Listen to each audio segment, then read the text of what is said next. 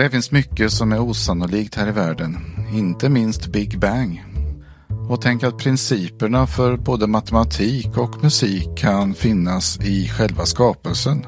Och om denna evolution och om hur människan blev till och det faktum att människan nyss blev 115 000 år äldre. Och att detta också hänger ihop på ett väldigt trevligt sätt med teologi. Det ska vi få höra mer om här.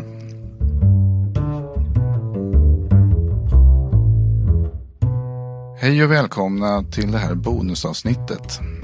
I förra avsnittet så intervjuades pastorn och paleontologen Gerhard Wilhelmsen precis innan han skulle hålla sitt föredrag som heter Gud, skapelsen och evolutionen här i Linköpings Missionskyrka. Och flitiga som jag och Rickard är så passar vi på att spela in detta inför publik. Så att vi nu kan ge er detta som ett bonusavsnitt i sin helhet. Föredraget introduceras här av pastor Marcus Lind och av Rickard själv. Varsågoda.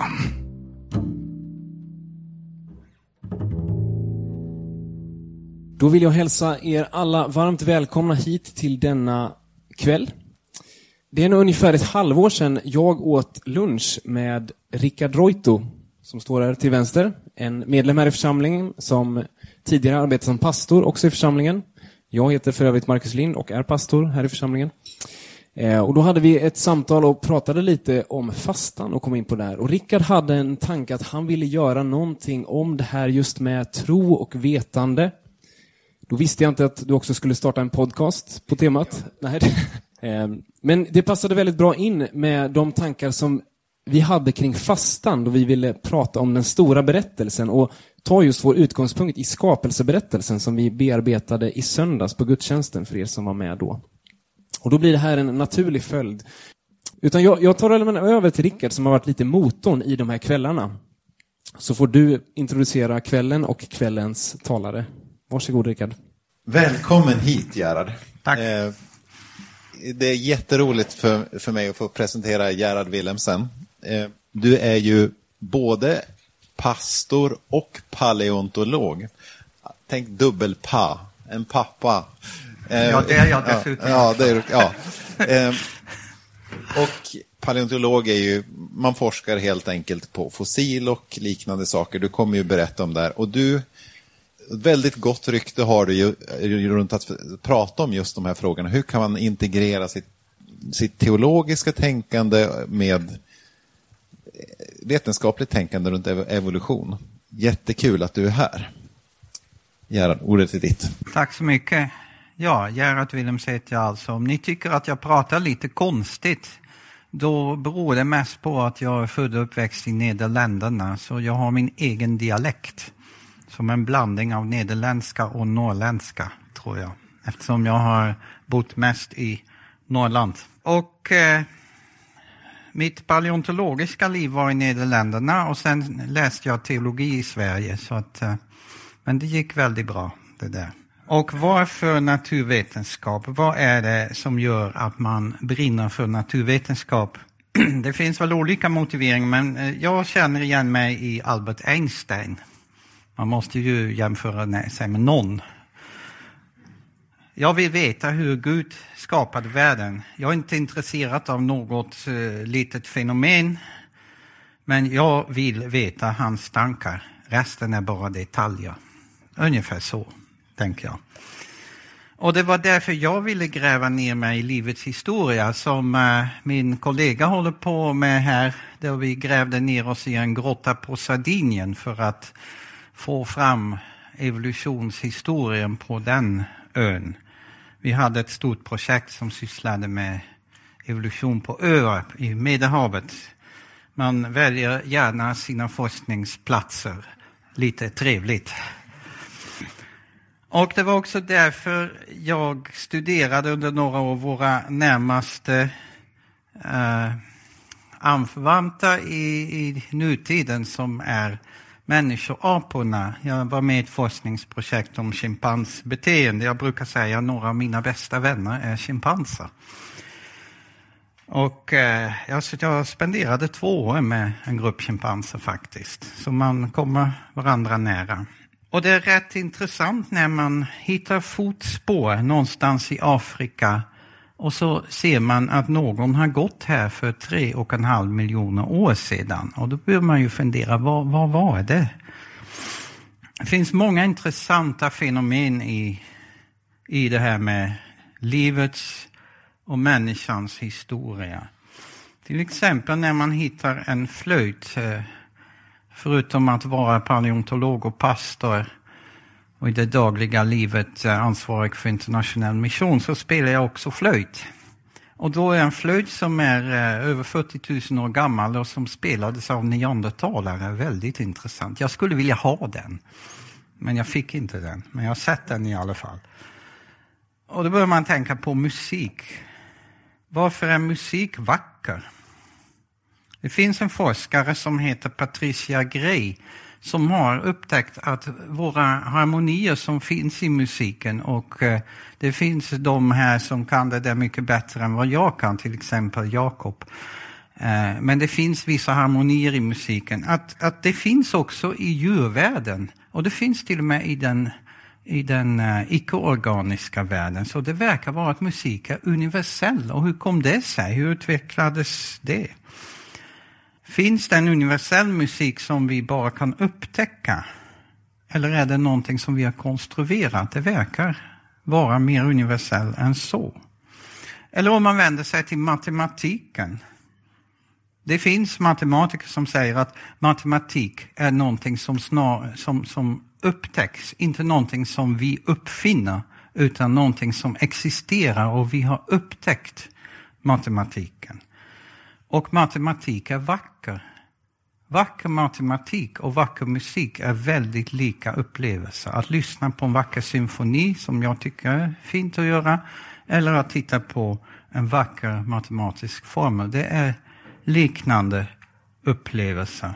Som den här berömda matematikern Bertrand Russell har sagt att matematik det är en, eh, en, en skönhet, en, en kall och jag vet inte om man översätter austere, men, men som en skulptur säger han. Och Paul Dirac, en världsberömd eh, teoretisk fysiker, har sagt att, att skönheten som ekvationer förmedlar, den är väldigt stark. Det ger en stark emotionell reaktion. Jag vet att alla inte känner så, men för matematiker är det så, tro mig. Den absolut vackraste matematiska formeln, säger många, är den som står överst här. Den var en stor bragd då Euler kom fram till sambandet mellan grundtalet för naturlig logaritm, som heter e, talet pi, som ni vet vad det är, och talet i, som är ett icke-existerande tal, nämligen eh, eh, det talet som i kvadrat blir minus 1. Det finns inte, men det finns ändå. Och så grundtalen i aritmetiken som man räknar med, 0 och 1. Det är det som är grunderna för räknandet. De står i samband på det här sättet. Det är oerhört vackert. Tycker ni inte det? Eller den nedersta. Det är Einsteins berömda formel som beskriver universum. Och då är det till höger är det universums massa och energiinnehåll som beskrivs och till vänster är det universums geometri. Den, den, eh, hur rymden så att säga kurvar sig. Det, och de två hänger ihop. Så den där lilla formen beskriver hela vårt universum på ett sätt. Det är jättevackert. Jag vill inte hävda att jag förstår den här. Den uppe, översta kan jag fatta. Den här kan jag inte riktigt förstå. Men jag tycker ändå att det är vackert. Och jag vet att matematiker ibland säger, det här kan inte stämma för det är inte vackert. Och det måste vara fel någonstans i formen. Och då brukar det vara fel någonstans. Om ni inte tror att matematik är vackert så kan man ju räkna ut eh, den här grundformen om fraktaler på olika sätt. Och, och då kan man ju framställa dem grafiskt och då blir det något sånt här. Och i naturen hittar vi det när isen lägger sig på fönstret. Det är ren matematik. Det är vackert. Och så säger en annan matematiker som heter S. S. Lang. Jag frågade vad betyder matematik för dig? Några svarade att manipulera siffror, att manipulera strukturer. Om jag hade frågat vad musik betyder för dig skulle du ha svarat att manipulera noter. Det är så han ser på matematik. Och till slut Galileo som sa matematik är det språk Gud skrev universum på. Men frågan är, varför är musik vacker? Varför är matematik vacker? Om allting kom till av en slump som vissa vill låta oss förstå. Varför ska skönhet finnas? Varför är naturen vacker när vi, när vi tittar på en solnedgång över havet? Vad har det för betydelse för vår överlevnad att vi tycker att det är vackert? Ingen alls. Skulle jag säga. Det måste finnas något annat. Och det väl har varit min drivkraft på eller, som, som fick mig att gå in i forskning. Nu blev det paleontologi eftersom det är den absolut roligaste naturvetenskap som finns. Men det hade kunnat bli matematik också. Ibland ångrar jag att jag inte studerade matematik, för det verkar vara fascinerande. Jag har två söner som håller på med det där. Så vi, vi diskuterar sådana här matematiska problem över middagen hemma. Vi pratar aldrig om fotboll, för ingen hemma är intresserad av fotboll eller OS. Men, men vi diskuterar sånt där. Den här mannen heter Frans de Waal. Han var min handledare då jag tittade på schimpanser. Han är en av världens ledande schimpansexperter skulle jag säga. Eh, och eh, han är ateist, uttalat ateist. Och jag har haft många diskussioner med honom om det. Men han skriver för några år sedan, det är inte religion som är naturvetenskapens fiende. Religion finns i ett oändligt antal former. Den riktiga fienden är att ersätta tänkande, reflektion och nyfikenhet med dogma. Och han hävdar i sin bok som heter Bonobon och tio Guds bud på svenska, jätteintressant, handlar om dvärgschimpanser. Han, han hävdar i sin bok att det är lika mycket i naturvetenskap att man har infört dogma.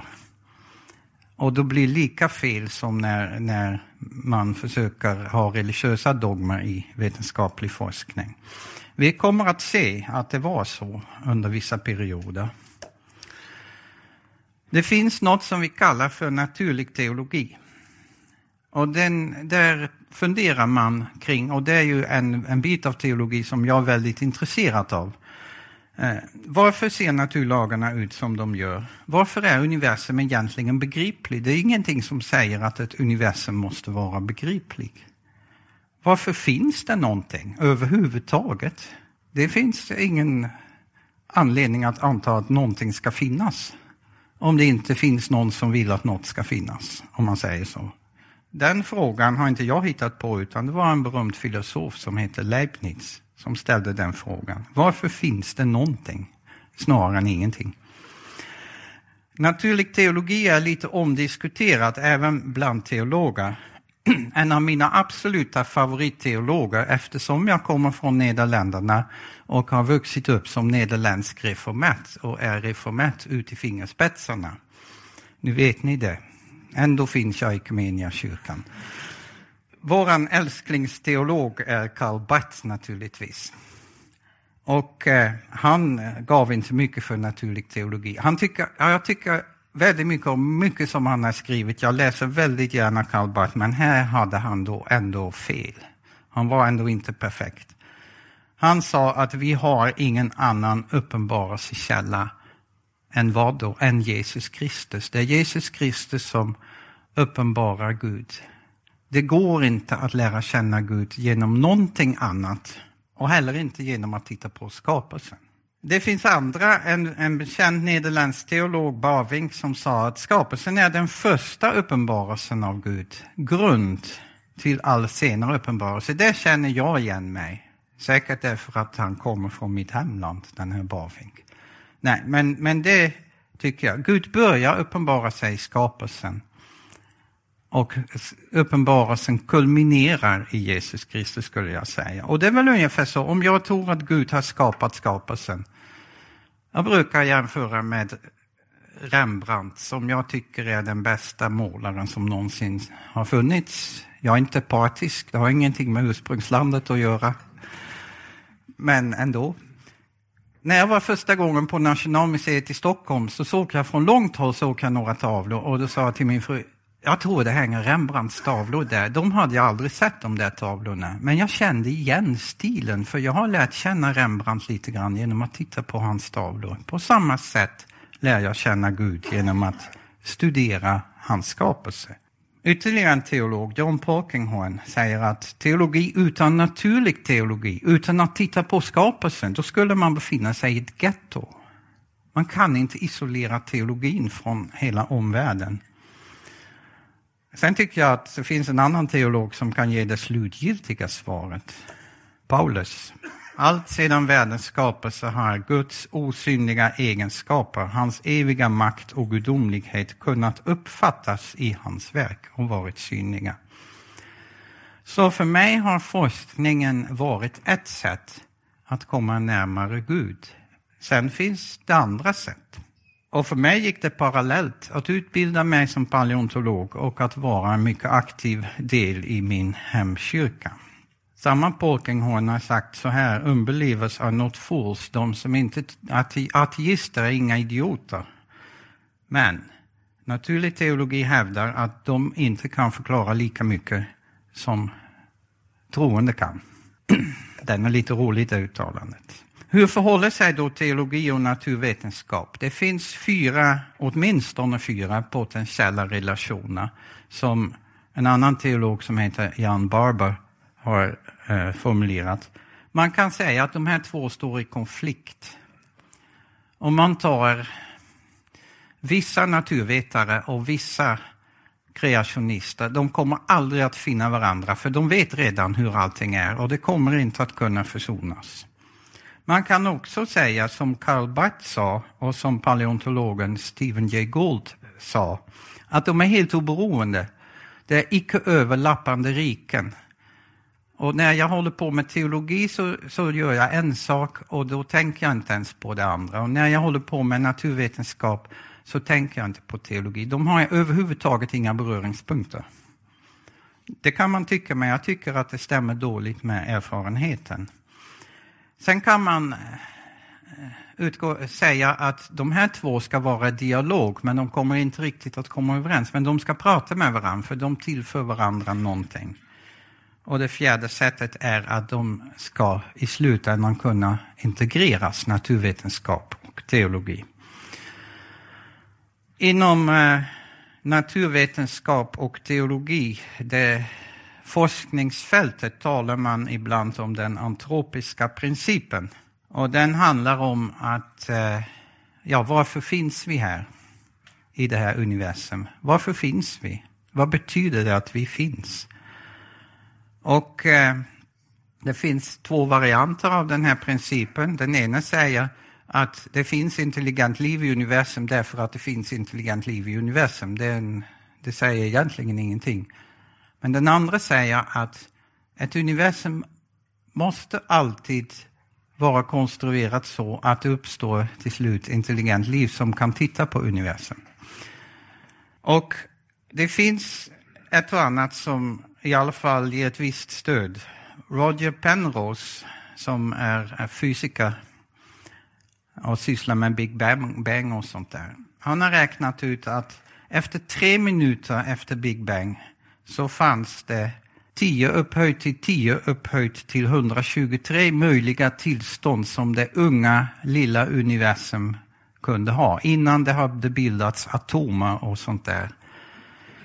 Ehm, och det här talet om olika möjligheter, det är väldigt stort. 10 upphöjt till 10 upphöjt till 123. Om man skulle skriva ut det talet som en etta med massa nollor om man skulle skriva en nolla på varje atom i det synliga universum, det är många atomer, så skulle det ändå inte räcka till för att skriva ner alla nollor. Så stor är det talet.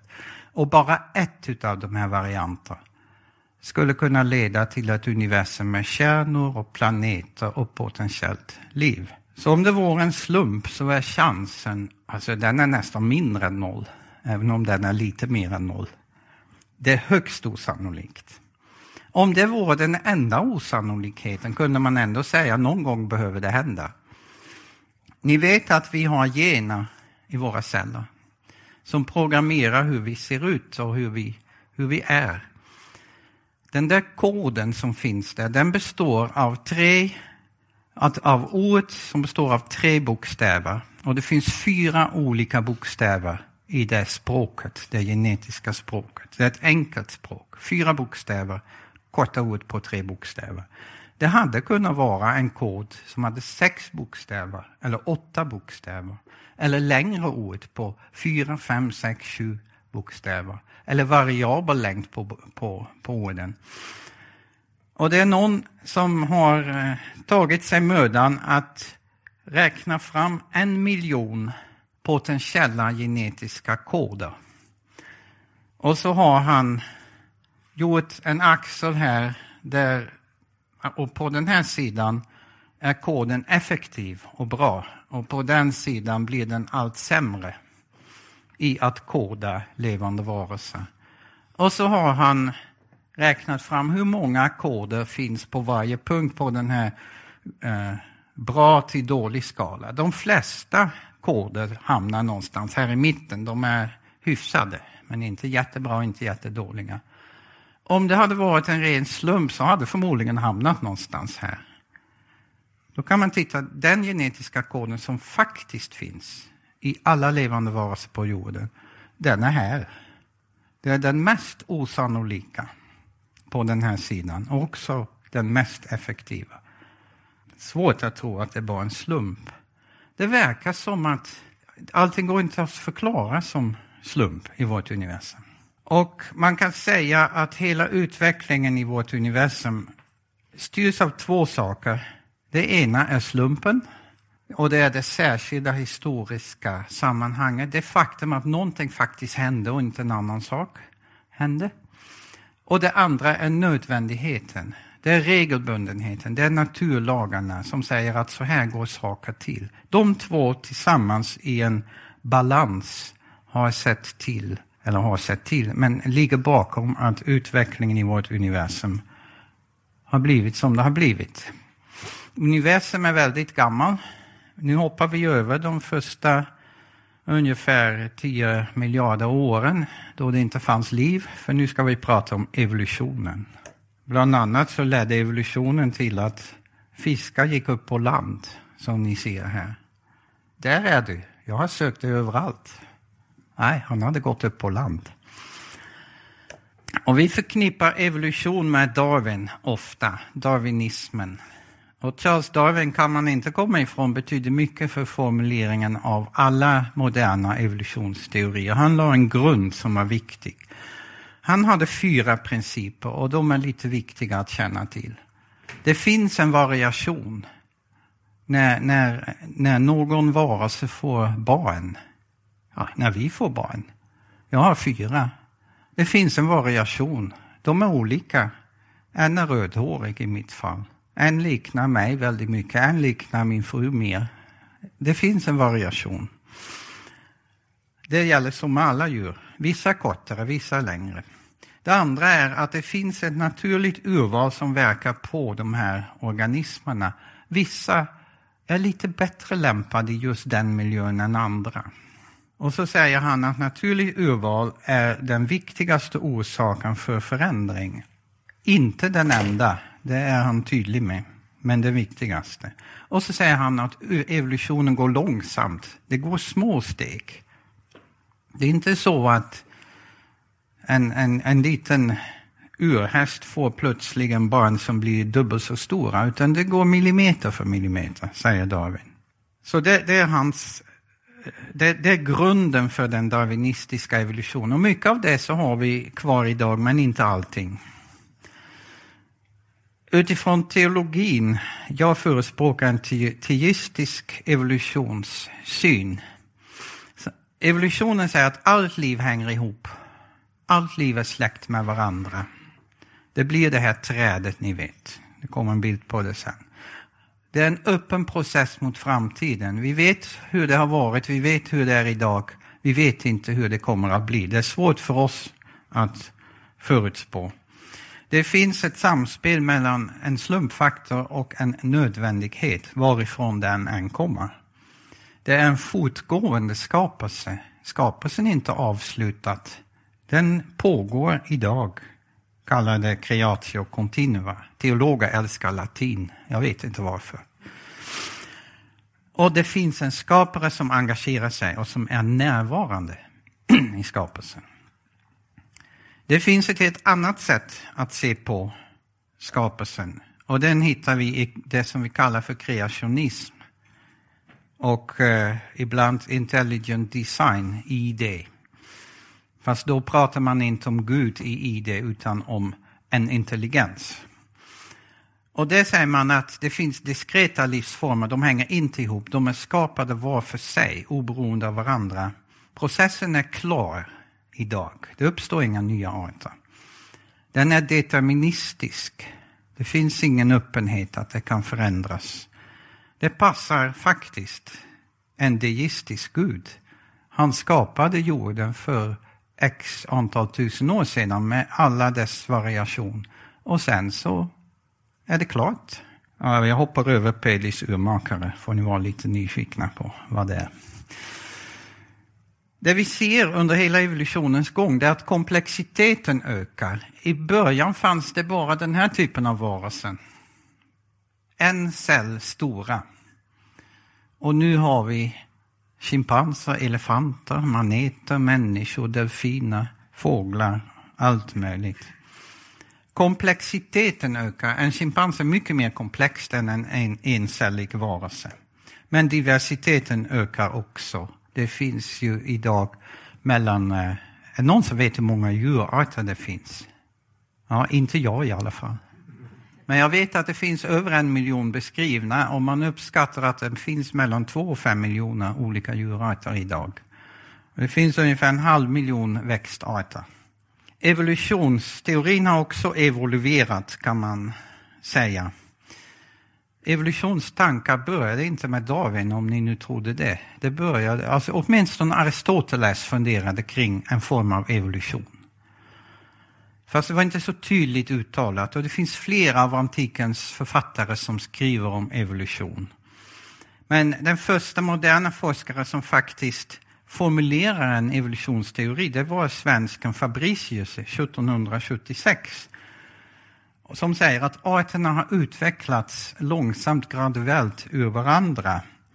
Men han skrev det i en bok som heter Philosophia entomologica, det vill säga en bok om insekter. Och vem läser en bok om insekter? Så det gick ganska obemärkt förbi. Det blev inget ramaskri, för det var ingen som läste. Men eh, då kom paleontologin igång.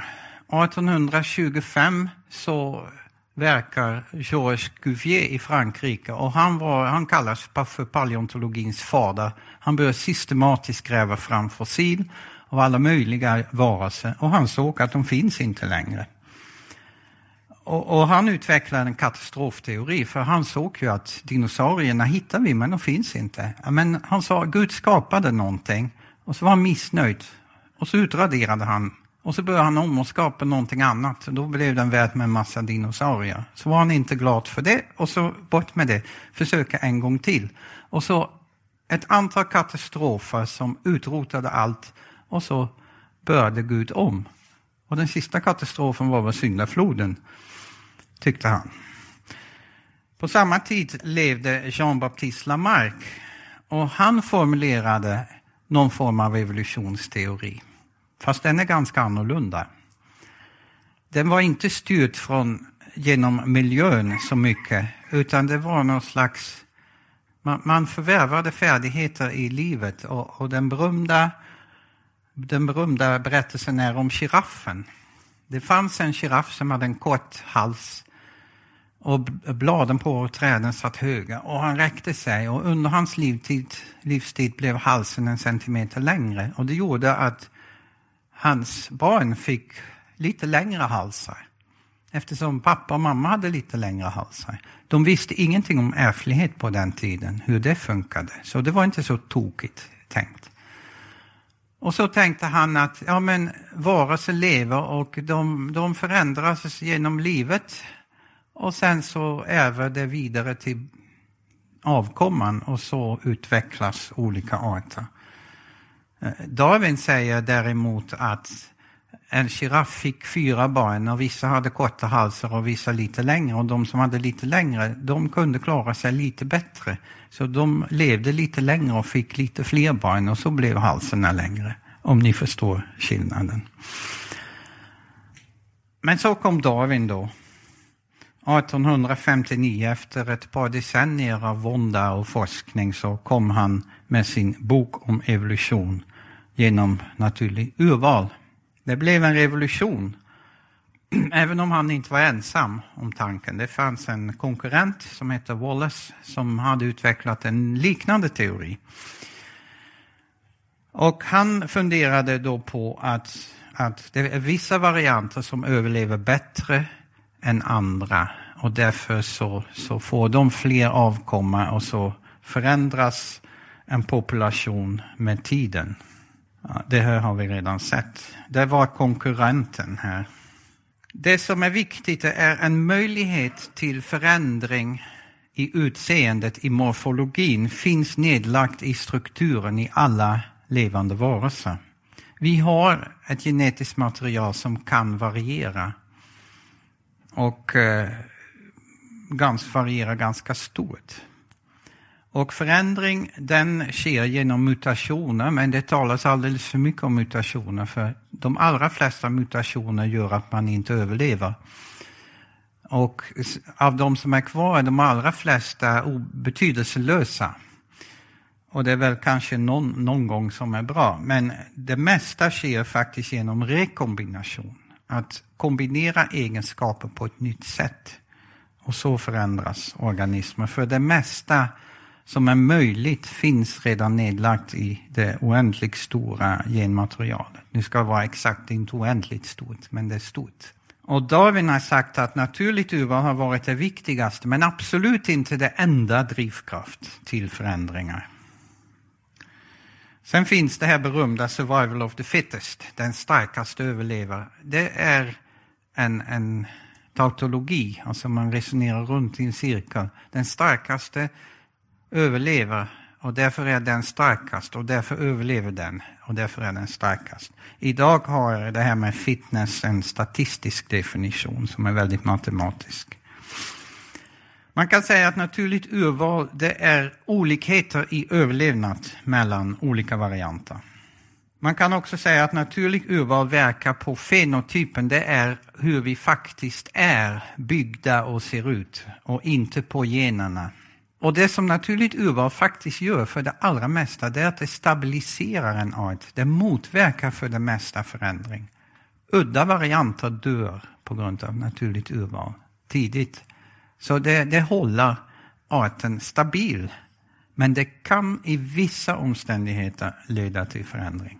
Om vi hoppar fram 50 år så är vi på 1900-talets början. Då finns det en massa olika evolutionsteorier och darwinismen var inte alls den främste. Det fanns neodarwinism, det fanns saltationism. Det var en som tyckte att nej, men evolution går med stora språng, det hoppar fram. Eh, det fanns något som heter ortogenes, där man sa att ja, men det finns eh, någon slags program inprogrammerat att det blir så här. Och det fanns ytterligare flera andra. Sen kom den moderna syntesen på 30-40-talet. Man hade upptäckt ärftlighetens lagar, eh, genetiken och man hade evolutionsteori. Man försökte förena detta. Och det ledde till en helt ny form av evolutionsteori som man skulle kunna kalla för neodarwinistisk. Och det fick också vissa avarter. Eugenik heter det väl på svenska. Och socialdarwinismen. Alltså man, man började säga att det gäller också i vårt samhälle, den starka ska överleva. Det var ett missbruk av naturvetenskap. Och på 70-talet så var det det. Det blev väldigt dogmatiskt. Naturligt urval förklarar allt och alla som säger något annat, de är kättare och hädare. Och de utslöts ur den vetenskapliga gemenskapen. Det fick sektliknande drag i forskningen. Jag minns det, för då utbildade jag mig. Man fick ju knappt tala om något annat. Men på 80-talet, eller redan på 70-talet, men framförallt på 80-talet, så kom det nya forskare som hade andra alternativa förklaringar för evolutionen. Och då återkom det här med, alltså Darwin, jag minns att, ni minns att jag sa att evolutionen gick långsamt så här, väldigt långsamt och så ibland knoppade det av. Det, men det är en långsam utveckling i någon riktning. Ett djur blir långsamt, långsamt större. Den nya teorin som heter punctuated equilibria, eller bruten jämvikt, säger att arterna är stabila för det mesta under lång tid. Men ibland, när en liten grupp blir isolerad någonstans, så kan det ske en snabb förändring. Då händer någonting, därför att det är en väldigt liten grupp och då får, men, men, men kanske en extrem miljö, som det kan vara på en ö till exempel. Och då blir det andra utvecklingar. Då händer någonting som vi kallar för genetic drift. Nu kommer ett exempel. Och det har att göra med min gamla forskning på Medelhavsöarna. På öarna i Medelhavet så hittar man elefanter, flodhästar och hjortar. Man hittar inte rovdjur för de simmar inte så bra. Så de kommer aldrig till de här öarna. Och hästar, de tycker inte heller om att simma. De kommer inte heller dit. Men elefanter och hjort och flodhästar, de simmar. De kunde ta sig till Kreta till exempel. I nödfall. Men det var inte så att de klarade att simma fram och tillbaka. Så när de väl var där, hamnade där av en slump, så blev de isolerade. Och då var det omständigheter som var väldigt olikt fastlandet. Det fanns mycket begränsat med mat. Och vad vi ser det är att de här som fanns där, de blev väldigt små. På alla öar i Medelhavet fanns det dvärgelefanter i den storleken och dvärgflodhästar också i den storleken. För varför är en elefant stor? Det är ett skydd mot rovdjur. Ingen vågar attackera en stor elefant. Men på öarna fanns inga rovdjur. Däremot behöver man inte så mycket mat när man är en elefant i den storleken. Tänk vad roligt det var, sådana här små elefanter. De försvann för 4000 år sedan. Då kom ett nytt rovdjur till öarna, människan. Och de slaktade fort, inom ett par hundra år så var alla de här djuren borta och uppätna. Den gamla katastrofteorin som eh, jag nämnde från början på 1800-talet, den kom också tillbaka. Man funderade mycket kring varför alla dinosaurier försvann för 65 miljoner år sedan, ganska så abrupt. Och då var det en astronom som hade en teori. Han hittade ett visst metall som finns i meteorer just i det jordlagret som ligger där dinosaurierna försvinner över hela jordklotet. Så han sa att det dimpade ner en stor meteor, typ 10 kilometer i diameter på den tiden, som gjorde att klimatet förändrades snabbt och väldigt många djur dog ut. Både dinosaurier och många andra djur faktiskt. 80 procent eller så av alla djurarter. Eh, på den tiden eh, så höll jag, började jag fundera på min doktorsavhandling och jag minns att vi pratade om den här teorin. Men det där är ju trams, han är ju astronom, vad vet han om geologi? Ingenting. Han ska inte komma och säga något. Sen eh, på 90-talet så hittade man faktiskt den där meteoren i Mexiko. Så då fick man väl ändå ge sig. Han hade rätt. Och ja, det var så det gick till meteoren åkte ner och dinosaurierna försvann. Det finns också en väldigt reduktionistisk modell som Richard Dawkins har eh, tagit fram. Han säger att bara generna betyder något. Det är generna som försöker sprida sig och vi som människor eller djur är bara fordon som generna använder. Vi har någon slags passiv roll. Generna använder oss för att sprida sig själva. Det är en mycket materialistisk och reduktionistisk modell som har en massa problem i att förklara vissa saker. Sen är Dawkins också ateist och han försöker använda vetenskapen för att bevisa att religion är trams. Och därför skrev han Illusionen om Gud, som jag brukar säga är en fundamentalistisk evangelis evangelisationsbok för ateismen. Och den är verkligen inte bra. Som biolog håller jag inte med hans teorier, men han är duktig forskare. Men här har han blivit någonting annat än propagandist för någonting. Har då evolutionen en riktning, kan man fråga sig. Eller är det bara hit och dit som det råkar bli? Finns det något system? Det finns en känd paleontolog och eh, evolutionsforskare som heter Simon Conway Morris. Och han började lägga märke till att det finns många konvergenser. Det är djur som har utvecklats oberoende av varandra, ibland helt olika tidsepoker, som är väldigt lika. Och han började titta på om det var vanligt eller inte. Jag har en tjock bok hemma där han beskriver tusentals fall av parallell eller konvergent evolution där olika djurarter blev väldigt lika varandra. Och jag visar bara några ganska uppenbara exempel. De här tre djuren, en delfin känner vi till, en haj och en utdöd, Eh, ett utdött kräldjur till höger längst upp som heter en ichthyosaurier. De är väldigt lika, lika varandra, har samma typ av kroppsbyggnad. Varför blev det så? Det finns ju väldigt många andra sätt att bli på. Men de lever ett liknande liv. De äter fiskar och lever i havet och det har blivit väldigt likt.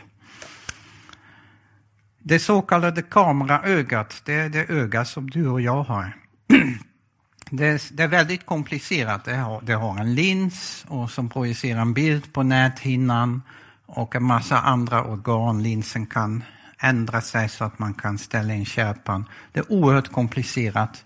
Många kreationister säger, ta det här ögat som exempel, som säger det här kan aldrig ha uppstått av en slump. Det, chansen är så oändligt liten att de här sakerna skulle ha uppstått Eh, parallellt de här olika strukturerna som behövs för att ha ett fungerande öga. Det kan aldrig ha hänt. Chansen är obefintlig. Och så har det hänt minst åtta gånger, helt oberoende av varandra. Alla ryggradsdjur har sådana ögon. Men även vissa bläckfiskar, vissa maneter, inte alla, men det finns en grupp maneter som har öga, ett öga som vi har. Tre olika grupper av snäckor, en grupp av havsmaskar och en grupp av spindlar. Så minst åtta gånger har ett sådant öga kommit upp. Och då kan man undra, finns det någonting i den djupa strukturen i vårt ärftliga material som så att säga säger att det ska bli ett sådant öga? Intelligens är också en sån sak, har uppstått fyra gånger åtminstone. Schimpanser, delfiner, gråkfåglar och oktopussar. Bläckfiskar i allmänhet är inte särskilt smarta, men oktopusar är oerhört smarta. Ungefär som schimpanser, fast de lever ett så annorlunda liv så vi har väldigt svårt att fatta det. Och därför har det varit okänt tills för några år sedan. Om man skulle se livets historia som en film, om man skulle spola bandet tillbaka till början så säger en del paleontologer med Stephen Jay Gould i spetsen till höger att då skulle, om man spelar upp det igen blir det totalt annorlunda för det är bara slumpen. Det blir aldrig samma, på samma sätt två gånger i rad. Utan skulle man börja om från noll så skulle det bli en helt annan värld med helt andra varelser. Kommer Morris säga, nej det skulle bli ungefär som det är nu. För det måste bli ungefär som det är nu. Det ligger någonstans i den djupa biologiska strukturen. Så evolution har en öppen framtid. Det finns variation, men också bestämda riktningar och också en djup struktur. Man skulle kunna säga, tala om skapelsens sång. Hela det här man kan se det som en enhet, hela livet under alla tider, från början till slutet. Man kan se det som en symfoni. Man kan inte säga att det finns en ton som är bäst i en symfoni. Jag, jag lyssnar på Beethovens nionde. Den där noten, det är toppen. Det kan man inte säga. Det är hela symfonin som är toppen. Men det finns också en stegring mot en höjdpunkt och mot ett slut. Så ser jag på skapelsen. Det är som en symfoni som är vacker och som utvecklas och leder till någonting. Hur är det då med människan? Människans evolution kan man ju framställa ungefär så här. Ni ser att den moderna delen är väldigt intressant. Vi går tillbaka till utgångsläget. Det är jag som sitter längst till höger på mitt jobb. Människans evolution är till synes ganska...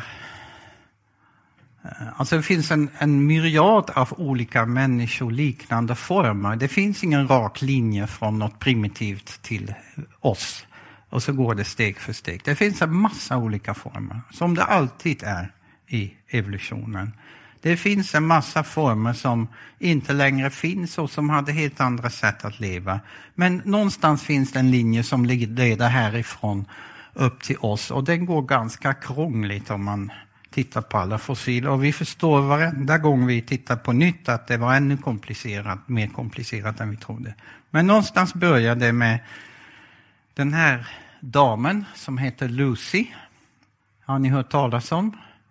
Hon var en av de första som gick upprätt på två, två ben. Vilket inte en schimpans gör. Men Lucy gick upprätt. Sen har det blivit så att Lucy har blivit Luke för det visade sig att det var förmodligen en pojke och inte en flicka. Men det är en annan sak. Och här gick hon. Eller gick de. En mamma med barn. Lucy var inte stor så här och såg förmodligen mer ut som en upprättgående schimpans än som en av oss.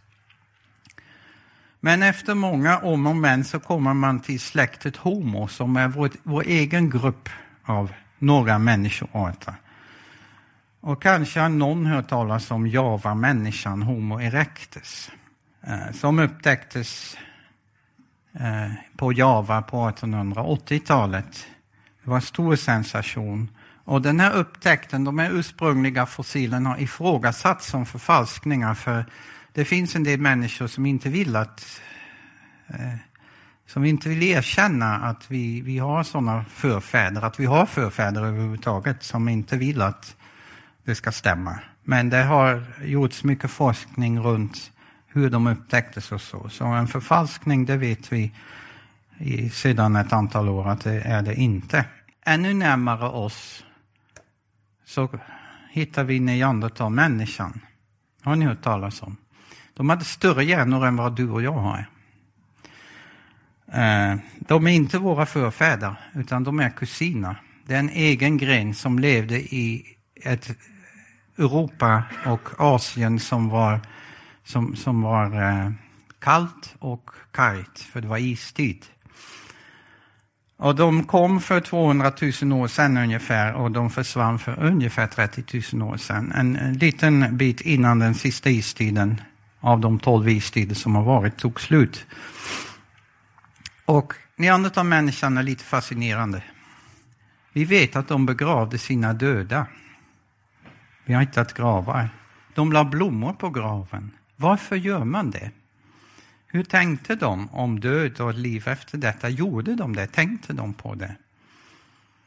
Hur nära står de oss egentligen?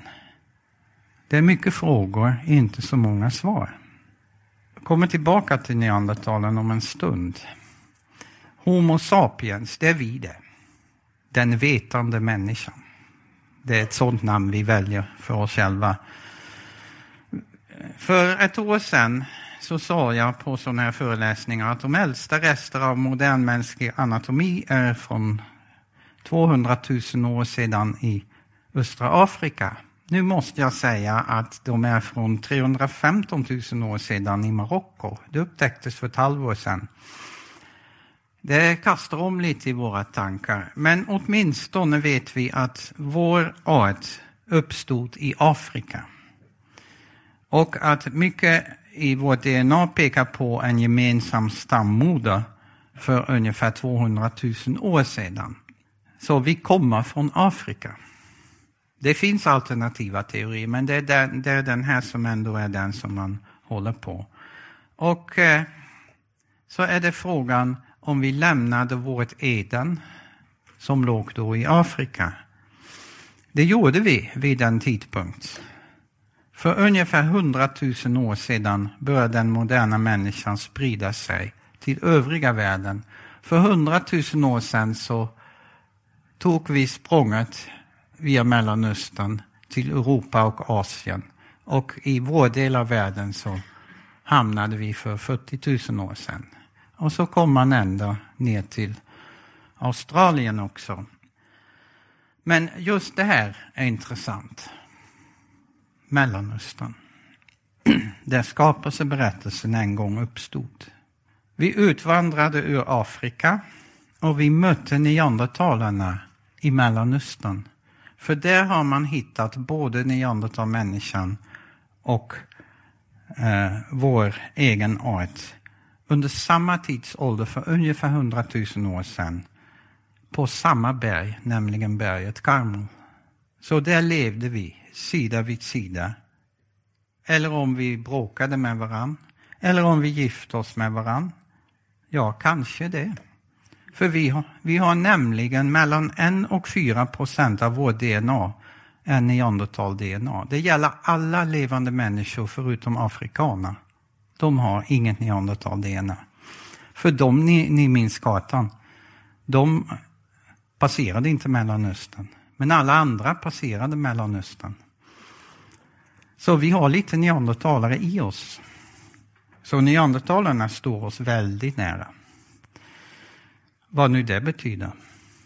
Jag har ibland tänkt på Första Mosebok 6 där det står någonting om att Guds söner tog sig hustru bland människorna. Det, vad det betyder det vet jag inte. Jag har aldrig hittat en bra kommentar och förklaring på den där lilla texten. Men ibland tänker jag, har det med det här att göra? Två som inte är lika men ändå tillräckligt lika som hittar varann där. Vad är då en människa? Ni ser den biologiska definitionen. Ett primatdjur med upprätt gång, en viss relativ storlek på hjärnan, vissa kännetecken i kraniet och i tänderna. Det är väldigt tekniska saker som avgör om, om, om vi säger att den här arten är människa och det här är inte en människa. I teologin kan vi säga att Gud blåste liv i henne så att hon blev en levande varelse. Det är det som utgör kriteriet för människorna. Det behöver inte vara samma sak. Vad är då en människa att du tänker på henne, en dödlig att du tar dig an honom? Du gjorde henne, honom, nästan till en gud. Med ära och härlighet grönte du honom. Du lät henne härska över dina verk. Herre vår härskare, väldigt är ditt namn över hela jorden. Jag går tillbaka till Simon Conway Morris, evolutionsforskare. Här kommer texten. Den är på engelska, men jag ska försöka översätta den. Det är inte så enkelt. Hellre än att gå genom eh, ökenlandskap som materialisterna ritar upp så måste vi acceptera en, den inbjudan vi får och göra sällskap med konstnären som har tagit fram skapelsen. Men eh, en varning. Det här är ett riskfullt företag. Hans senaste besök slutade i katastrof. Men om man läser berättelsen mera noggrant så är den helt annorlunda.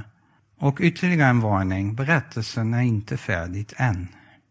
Det säger evolutionsforskaren Simon Conway Morris på en stor vetenskaplig konferens inför en massa andra forskare. Och då tänker jag, vilket vittnesbörd om hans tro som bygger på hans forskning till en del. För det, det är han, han är en med sin forskning. Och jag känner precis så. Nu hade jag lite mer att säga, men min timme har gått. Ja, du behöver en 5-10 minuter till för att avrunda sen. Kör. Ja, jag, jag tänkte snabbt gå igenom första Mosebok. det, ja, ja, det, det tar inte mer än tio minuter. För i ljuset av allt detta, hur läser vi då den berömda skapelseberättelsen i Första Mosebok 1 som är en, en, ett kapitel, det är nog det kapitlet i Bibeln som jag nästan har läst mest gånger. På svenska, nederländska, engelska, hebreiska och så vidare. Den heter, boken heter Genesis ut, överallt utanför Skandinavien som betyder eh, tillblivande. Eller det heter Bereshit på hebreiska i begynnelsen. Och den handlar om universums, jordens, människans och folket Israels tillkomst. Och det börjar med i begynnelsen skapade Gud himmel och jord. Och det säger tre saker. Det finns en begynnelse. Det trodde inte forskare för 150 år sedan. Då trodde man att universum alltid har funnits. Sen kom det här med Big Bang på 60-talet. Då var det jobbigt. Det fanns en begynnelse. Det finns också en skapare och han är Gud. Och himlar och jord är hela universum. Det är allt.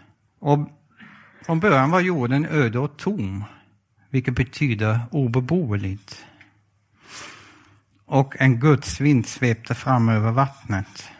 Då blir urdjupet till vattnet. Jag gillar inte den översättningen om en gudsvind som svepte fram. Visst kan man översätta Ruach Elohim som Guds ande, som Guds andedrag eller som Guds vind. Det är helt korrekt. Men verbet merachapet har att göra med rörelse, med energi. Och det ordet används om en fågel som ruvar på sina ägg. Och då vill jag hellre översätta Guds ande svävade över vattnet. Jag skulle vilja översätta Guds ande ruvade över vattnet. För jag tycker det är en bra bild. Ett ägg, ett fågelägg, det finns någonting där som vi inte ser men det utvecklas och fågeln tillför värme och energi. Och sen blir det synligt vad det blev. Ungefär så. Det finns en utvecklingstanke i Första Moseboks text.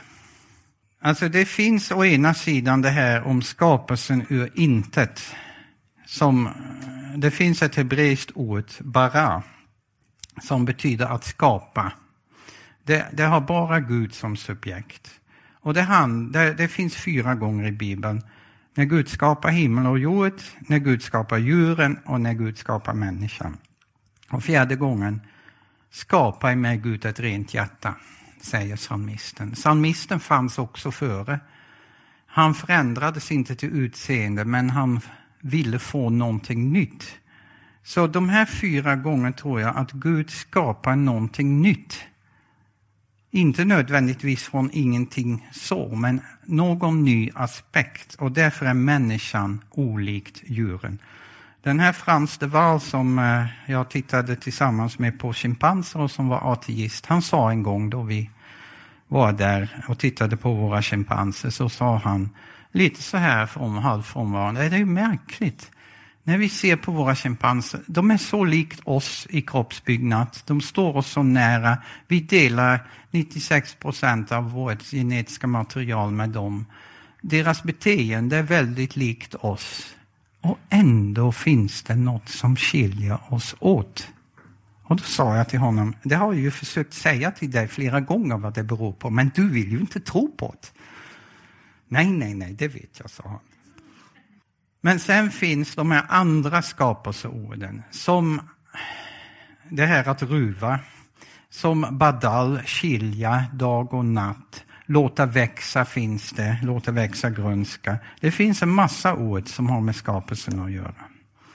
Vi vet, det finns de här 20 dagar, 20 gånger, olika aspekter. Ni ser de här.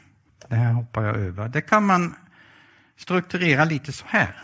De första tre dagarna är det resurserna. Det är ljuset, det är himlavalvet som behövs och det är landet som behövs. Det är resurserna, utgångspunkten. Och dag fyra till sex så får vi användarna. Himlaljusen som använder ljuset, vattendjuren och fåglar. Ja, vattendjuren kanske inte, men fåglar som lever i himlavalvet och djuren och människan som lever på landet och använder sig av växterna. Och dag 7 är vilodagen då allt är fullbordat. Det är ett sätt att strukturera. Och då ska vi inte ta de här dagarna riktigt Eh, bokstavligt, utan det är ett sätt att strukturera upp materialet. Ett annat sätt kan vara så här. Grundstrukturen i universum, det är ljus och himlavalvet. Det är de första två dagarna. Sen behövs det ett hem för oss. Och det behövs ett hem i rummet. Och det är landet, växterna, en plats att leva. Och vi behöver ett hem i tiden. Och det är himlaljusen. För det står inte bara att Gud skapar himlaljusen, men han skapade himlaljusen för att de skulle visa tider och dagar. Det är kalendern. Antje Jacqueline, som innan hon blev biskop var forskare på området eh, Science and Theology, vetenskap och teologi. Eh, hon har skrivit en bok om tid och evighet och hon säger att det som höll ihop det judiska folket i diasporan, det var kalendern. Det är ett hem som finns i tiden. Och de sista två dagarna så befolkas hemmet med djur och fåglar och med människan. Och så återigen vilodagen som är kronan på verket. Det finns en differentiering genom de här dagarna. En ökande mångfald och komplexitet. Som Stephen J. Gould skrev i en bok om evolution. Att bygga komplexitet genom att dela upp och differentiera från en ursprunglig homogenitet snarare än att lägga till. Så fungerar evolution. Och så säger han att den modellen ser vi i Första Mosebok 1. Han som inte trodde på Första Mosebok 1, han såg det. Allting är inte bra än. Vilan kommer när allting är mycket bra, mycket gott. Den sjunde dagen kan man också se som den nya skapelsen. Där är vi inte ännu. Då omfattar Första Mosebok 1 hela universums historia från början till slut. Den eviga sabbaten. Vad är då budskapet? Det finns en skapare, nämligen Gud. Gud har skapat allt, även kaoset och mörkret. Gud har skapat en ordning, Gud har ett syfte med skapelsen och skapelsen kommer att vara god. Mycket god. Vad är då inte budskapet? Det är inte en vetenskaplig förklaring av universums och livets ursprung. Det är inte en Grand Unifying Theory, det som Forskare letar efter den teori som förklarar allt. Det är inte en förklaring av naturliga processer i livets utveckling. Och det är inte ett svar på alla frågor om naturen heller. Det är inte det som är syftet med texten. Så det, det, det är så min forskning bland annat har gett mig ingång i det kapitlet i Bibeln. Nu tror jag ändå att jag tar en klunk vatten och slutar. Tack så mycket. Eh, mycket spännande. Och jag är säker på att eh, vi är många som har frågor. Eh, men ordet är fritt. Jag tänker på Big Bang. Johannes evangeliet säger att före allting, ingenting har blivit till utan ordet. Eh, före Big Bang måste det måste ha funnits energi. Och det tolkar jag in i Gud skapade ljuset. Att det är energin det talas om. Hur tänker du om dem? Själva ursprungskraften, att någonting så stort kan börja och så fort kräver energi. Eller? Ja. Ja, det finns ju, för det första skulle jag säga, det finns inget före Big Bang, för tiden kom ju till i och med Big Bang. Och, och det är redan Augustinus som säger att Gud finns utanför vår tid. Så Gud finns någonstans utanför vårt universum, samtidigt som han finns inne i vårt universum och kom in i vårt universum genom Jesus. Men det här med energi, det finns ju den här berömda Eh, termodynamiska lagen som säger att energi kan inte komma till eller gå förlorat i ett slutet system. Och det hävdas ofta att det kan inte, eh, det, det betyder att livet inte kunde, skulle kunna utvecklas och, och så där spontant. Och då har jag tänkt många gånger, man, man, man glömmer då att tänka på det här att i ett slutet system, för universum är nog inte ett slutet system.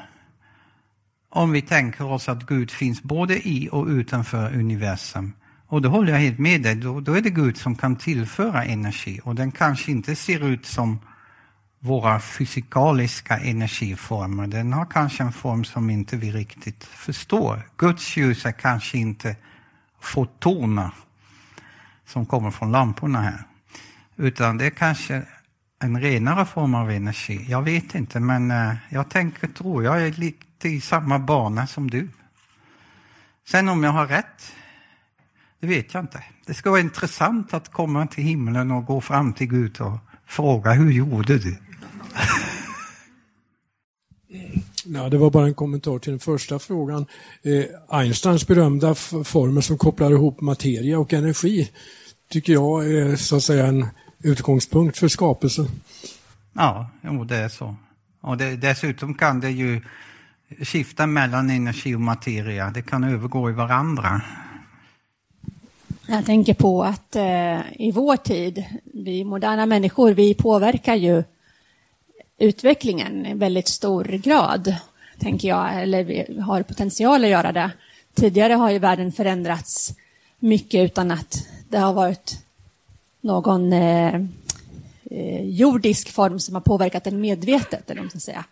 Nu med den moderna sjukvården, det kanske är väldigt kontroversiellt att prata om det, men, men eh, man kan överleva med väldigt svåra fysiska sjukdomstillstånd som man inte kunde överleva förut med. Och vi har ett väldigt hektiskt liv. Jag tänker på det här sista när du pratar om vilodagen som ju återkom jättemycket i Thomas Sjödins bok. Tror ni har samma inspirationskällor? Med den här regelbundna rytmen av vila och så. Vi går så väldigt mycket emot det skapade och, och det som, som kanske Gud har tänkt. Både genom vårt sätt att leva och utarma jorden och, och trotsa vårt behov av vila och så. Tänker du? Ja, vi, vi är satt att vara förvaltare. Det är väldigt tydligt när man läser eh, Första Mosebok kapitel 2. Och eh, det har framförallt västvärlden, alltså jag har funderat mycket kring det. Det har inte funnits en riktig skapelseteologi i väst egentligen eh, innan Jürgen Moltmann började formulera en, tycker jag. Eh, och jag tror att teologin har varit påverkat mycket av industrialisering. Det handlar om att producera och vara effektiva, utnyttja resurser och sånt där. Tittar man på urfolk, då, då finns det mycket mer kvar den här tanken att vi, vi ska förvalta landet. Det säger samer, det säger indianer, aboriginer. Vi, vi äger inte landet, vi kan inte äga landet, vi ska förvalta det. Och det är bibliskt, tycker jag. Um, på något sätt så har vi tappat det och det, vi har de dåliga konsekvenser av det idag. Och vi fortsätter. Eh, I mitt arbete i kyrkan så håller vi just nu på att titta på hur vi reser och hur det påverkar klimatet. Vi måste resa men eh, hur kan vi göra det så bra som möjligt så att säga? Och hur kan vi kompensera och, och sådana saker? För vi ska vara goda förvaltare. Missförståndet kom väl från den versen där, det, där, där Gud säger till människan att du ska härska över skapelsen. Och det är en lite fel översättning skulle jag tycka från hebreiskan. Vad tänker du om liv på andra planeter? Ja, det, det jag tänker om det, det är att jag inte vet. Alltså det, har, det, det finns ju, ett tag så fanns ju de som sa att det är väldigt sannolikt att det finns liv på tusentals planeter. Man har inte lyckats påvisa det ännu. Eh, jag vet inte om det finns. Det, än så länge så är det mest sannolika att åtminstone som intelligent liv att vi är ganska ensamma, åtminstone i vår del av universum. I vår galax som vi begränsar oss lite till de närmaste hundra miljoner ljusår. Så att men skulle det visa sig att det finns liv och till och med intelligent liv på någon planet, då skulle jag tycka det vore väldigt intressant. Eh, jag vet inte hur det skulle se ut. Jag skulle tro att det skulle likna det som finns här på grund av det, den forskning som finns på evolution idag. Eh, jag skulle inte ha något problem eh, när det gäller min tro. För jag vet att boken som jag nu inte har här, men som finns i min telefon, Bibeln, talar om vad Gud har gjort med den här jorden. Sen om han har gjort någonting någon annanstans, antingen har han gjort det eller inte. Jag skulle gärna veta, men vi vet ingenting om det idag. Också en sån sak som jag kommer att fråga då när jag kommer till himlen. Vi kommer att ha långa samtal, Gud och jag. Ja, en sån här lite dum men lite irriterande sak är alla de här mellanformerna då i evolutionen. Ibland kan det se ut som om de har försvunnit. Eh, är det the survival of the fittest igen då, som att de starkare har liksom bara slagit ihjäl dem? Eh, eller är det en illusion det där? De, alla de här mellanformerna finns ju fast vi inte, eh, vi inte ser dem. Det skulle vara bara kul att höra. Man kan ju säga så att majoriteten av alla arter som har funnits i, djur, i livets historia är utdöda. Både mellanformer och icke-mellanformer.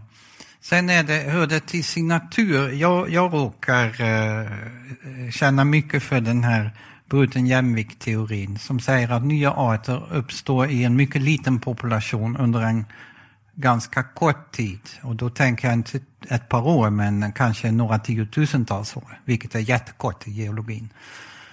Eh, kanske en liten isolerad grupp där förändringar sker. Så då är chansen inte så jättestor att vi hittar dem som fossil heller, för det har bara funnits eh, så lite jämfört med den stora populationen. De här få elefanter på en liten ö, de är väldigt få jämfört med alla i Afrika. Sen eh, är det Ja, sen är det ju så att en del säger att det finns inga mellanformer och det är inte sant helt enkelt. Det finns det. Vi, vi har ju en, en stor mängd fossil av mellanformer. Sen är det väl de som inte vill att det finns mellanformer, då frågar de efter mellanformer mellan mellanformerna. Eh, från början sa man att ja, men mellan reptil och fågel, eller dinosaurie och fågel, finns inga mellanformer. För den där urfågeln är ju en riktig fågel. Det är sant. Men idag har vi en hel rad små dinosaurier som hade fjäder, men som var små dinosaurier och tidiga fåglar som är väldigt lik små dinosaurier. Så vi har ju en hel rad idag. Och det gäller i flera grupper. Men man kan ju alltid fråga efter ytterligare mellanformer. Och vissa av de här mellanformerna, de lever faktiskt kvar idag. Men det är inte så känt. Eh, och ofta är det ju inte så spektakulära varelser. Sen ser vi ibland evolutionen ske idag. Det, det, finns en känd historia om en ny växtart som uppstod i Kew Gardens i London. Det är jätteintressant. Det såg man hända framför sina ögon. Det, så, så det finns många aspekter i det. Jag funderar på din gudsbild. Hur beskriver du den? För unga människor som alltså ställs inför det här att Gud eh, är någonting mer än oss och ett större som är allt och så vidare. Eh, hur beskriver du det? Ja, för mig är inte Gud någon slags abstrakt storhet som en del människor ser. För mig är Gud en personlig Gud som jag kan ha kontakt med personligt. Eh, samtidigt som Gud är väldigt mycket större än, än vad jag kan vara. Jag tycker om den berättelsen i Bibeln, nu kommer jag lite ifrån ämnet, men jag tycker om den, den präglar lite gudsbilden. Där Mose vill se Gud från ansikte till ansikte. Och, och så säger Gud att eh, du kan inte få se det för du skulle dö. Och jag tänker mig, om jag skulle se Gud från ansikte till ansikte, att se Gud i all sin helhet och fullhet, det skulle förmodligen min hjärna smälta. För det kan inte jag fatta. Och så säger Gud, jag ställer dig någonstans, du får se mig på ryggen. Så vi får se en glimt, men ändå är Gud personlig. Och, och sen tänker jag också att Gud kommer in i skapelsen som Jesus Kristus, så att vi skulle kunna känna honom personligt. Men jag tänkte faktiskt eh, avsluta med en, fråga själv. Ehm, och det handlar om det du har beskrivit om människans roll teologiskt sett som nästan som Guds medskapare, Guds avbild och mitt emellan Gud och skapelse eh, på många sätt och vis. Eh, och, du tog ju också upp frågan om det här med eh, hur vi använder våra resurser här i världen och, och sådär. Finns det, någon, finns det någon konstruktiv roll för oss människor att spela som Guds medskapare just vad det gäller att påverka evolutionen? Mycket av de här diskussionerna kring att eh, ta bort sjukdomar och så. Om man skulle tänka teologiskt runt det, eh, gör vi oss skyldiga till hybris, att vi försöker leka Gud? Eller kan vi faktiskt bidra till att eh, bli lite mera det vi hade tänkt att vara genom att eh, för, förbättra våra förutsättningar? Ja, jag, jag är väldigt försiktigt med en sån tanke. för det, det, har framförts lite nu och då att nu kan vi påverka vår egen evolution, vi kan göra oss själva bättre. Men vem är det som avgör vad som är bättre? Det är det som är det stora problemet, eh, tycker jag. Sen att vi jobbar på att få bort sjukdomar, det, det, det får vara en sak. Det är naturligtvis bra att vi snart inte har poliovärlden, att, att eh, vad heter det, eh, nu glömmer jag, den sjukdomen som är utrotat. Ja, smittkoppor. Alltså det är ju jättebra. Men att börja ändra i genetiskt material till exempel för att förbättra oss. Vem avgör vad är bättre? Det, det, det tror jag inte riktigt vi kan. Jag tycker det är en farlig väg, men jag är inte färdigt tänkt om det. Jag tror att vår, vår viktiga roll är, är att vara förvaltare just. Att förvalta Guds skapelse på ett bra sätt som vi inte har gjort. Och eh, som du nämnde eh, och som jag har hämtat hos Moltmann, att människan har någon slags prästerlig funktion. Vi företräder skapelsen inför Gud och det måste ju innebära att vi också vårdar skapelsen och tar hand om skapelsen. Och, och Sen är det också vi som jag tror kan känna Gud på ett annat sätt än, än vilket djur som helst som vi kan företräda Gud inför skapelsen. Det är vi som kan förvalta skapelsen. Det är vi som kan eh, både förinta skapelsen nästan och, och som kan vårda den väl. Men eh, det, det där att börja förbättra oss själva just på ett fysiskt eller genetiskt sätt, om det är det du syftar på, så är jag väldigt försiktig. Tack så jättemycket för att du kom, eh, kom hit till oss. Jag vill gärna redan nu på, på, påminna om att nästa vecka samma tid, då har vi glädjen att få en uppföljning av det här samtalet med Sara Vrige. Hon är präst i Svenska kyrkan och doktor i fysik. Och hon kommer fördjupa en del av de sakerna som du hann beröra lite grann i början av ditt tal, men gå djupare på de sakerna. Men framförallt, tack så jättemycket Gerhard. Vi tackar med en stor applåd.